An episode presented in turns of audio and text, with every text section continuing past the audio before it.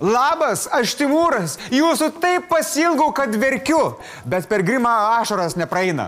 Šiandien tiek žinių apie postų dalybas Seime, karantino poveikį, dar vieną daug žadančią vakciną ir istorinį skrydį į kosmosą.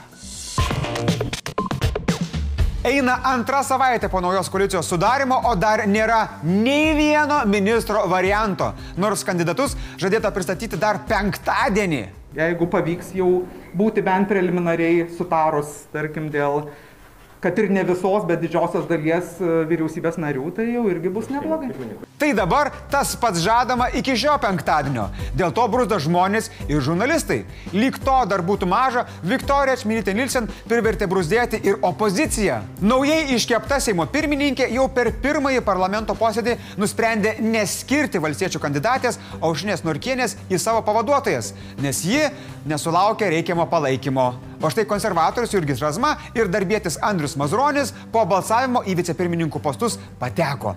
Bet gera žinia, dar liko keturios laisvos kėdės dėl kitų kandidatų, kitų opozicinių frakcijų teikiamų iškilo daugiau klausimų ir šiandien, rytoj a, turėsiu susitikimus su frakcijomis, su atskirais politikais ir bandysime matyti draugę rasti pačius geriausius sprendimus. Paaiškėjo, kad vieną iš šių kėdučių užimti norėtų Laisvės partijos atstovas Vytautas Mitalas. Mitalas Mitalu, bet dėl aušinės Norkienės baisiai užsirūsno pats Ramūnas Karbauskis ir kategoriškai atmetė pasiūlymą paieškoti kito kandidato.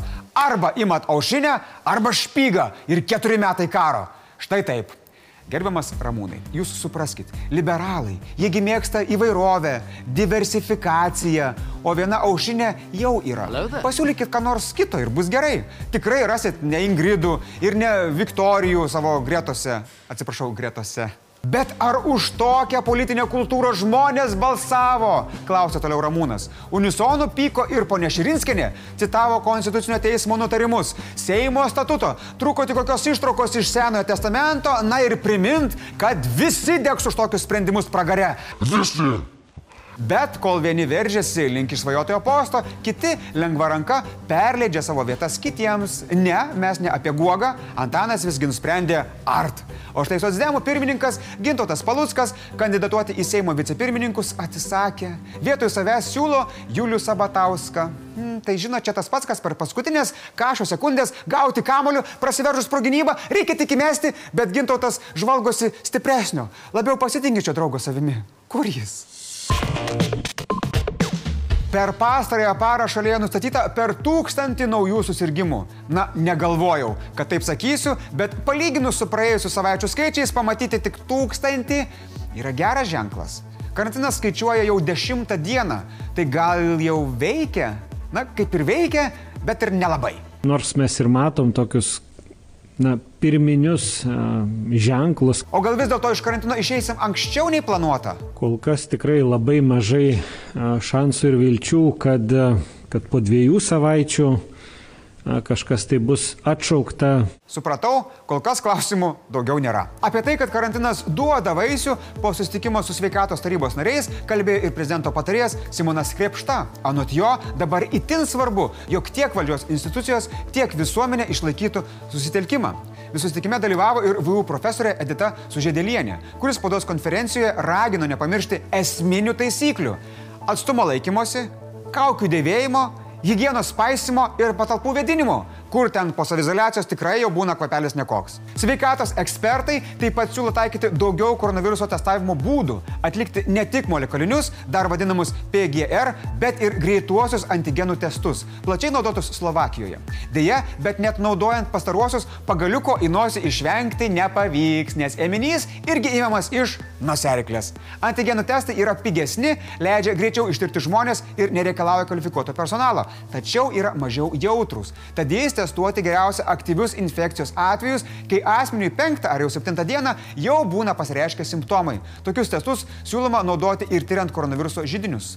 O kaip Jūs manot, geriau pigesni, bet mažiau tikslus ar brangesni, bet tikslesni? Parašykit komentaruose. Jei išgirdę apie farmacijos giganto Pfizer kūriamą vakciną nudžiugote ir jau ten kažką iššovėte, tai dabar galite šauti antrą. JAV kompanija Moderna, nepainioti su studijo Moderna ir Top Shopo, paskelbė, kad jų kūriama koronaviruso vakcina turi net 95 procentų efektyvumą. Kompanija planuoja per kelias ateinančias savaitės gauti patvirtinimą, kad vakcina gali būti naudojama gydimui. Vakcinos kuriejai pacientus suskirstė į dvi grupės. Viena grupė gavo vakciną, o kita placebą arba kitaip netikrus vaistus. Po testų paaiškėjo, kad tarp vakciną gavusių te buvo 5 susirgymai, o netikrus vaistus vartojusių net 90. Moderna sutiko suteikti 100 milijonų dozių JAV su galimybė nusipirkti dar 400 milijonų. Japonija, Kanada, Šveicarija, Kataras ir Izraelis taip pat pasirašė susitarimus, o Europos komisija turi galimą pirkimo sutartį dėl maždaug 120 milijonų dozių. Taigi panašu, kad jei ir gausime Lietuvoje vakciną, tai tikrai nebūsime pirmieji. Na, bet čia kaip ir su viskuo, kas pas mus iš vakarų ateina. Bet kuriuo atveju aš labai džiaugiuosi, nes dvi vakcinos yra geriau nei nulis vakcinų. Milijardieriaus ir Tesla įkūrėjo Elono Musko kosmoso skrydžių bendrovė SpaceX sėkmingai į kosmosą pakėlė antrąją įgulą. Crew Dragon tipo erdvėlaivis pavadinimu Resilience pakėlė keturis astronautus ir pradėjo kelionę į tarptautinę kosminę stotį. Astronautai turėjo pasiekti kosminę stotį per 8 valandas. Pasiekęs orbitą, misijos vadas Michaelas Hopkinsas sakė, kad tai buvo įspūdingas pasivažinėjimas. Šiaip tai kokia neteisybė. Mes vad karantinę kankinamės, o jei kosmosą paliksiu galvoju. Beje, ši misija yra ypatinga JAV kosmoso agentūrai NASA, nes iki šiol norėdami patekti į kosminę stotį, jie naudojosi Rusijos raketomis Soyuz. Kol NASA laukia Boeing statomos kapsulės Starliner, SpaceX taps pagrindinė astronautų taksi į kosmosą. Labai tikiuosi, kad taip ir bus. Nes dabar, tai įsivaizduokit, varai kažkur ištaigingą kosminį vakarėlį, o atvarai su Igorio Lada. Nu. Blitz naujienos. Dėl karantino ar savizolacijos pažeidimų praėjusią savaitę nubausta 111 žmonių. Prieš tai buvusius du savaitgalius iš eilės policijai teko skirti baudas 21 žmogui. Už karantino pažeidimus grėsia bauda nuo 500 iki 1000 eurų. Pataupykit pinigus ir sveikatą. Yra naujų telefonų modelių išleistų, jie patys tai nenusipirks. Buvęs Junktinių valstybių prezidentas Barackas Obama interviu BBC teigė, kad konspiracijos teorijos, tiesos neigimas ir faktų ignoravimas yra milžiniški iššūkiai, kurių vien rinkimai neišspręs. Obamos manimu pavojingiausia, kad konspiracijos teorijos plačiai plinta, o pandemijos mastas yra klasikinis pavyzdys, kai realybė kanda atgal. Per vakar vykusius protestus Baltarusijoje suimta per tūkstantį žmonių. Tūkstančiai Baltarusių 14 sekmadienį iš eilės protestavo ir reikalavo Lukašenkos atsistatydinimo. Šiuos ir panašius vaizdus Baltarusija turi perduoti sudėtingomis sąlygomis. Sekmadienį eilinį kartą buvo atjungtas mobilusis internetas. Vakar laimėjęs Turkijos didžiojo prizo lenktynės, Britas Lewisas Hamiltonas septintą kartą tapo pasaulio Formulės 1 čempionu.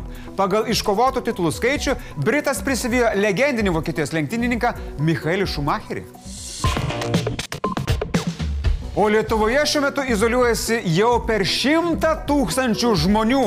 Įsivaizduokit, jei visi gyventų viename didžiuliame rajone, tai net pirmadieniais matytumėm kažkokį panašų vaizdelį.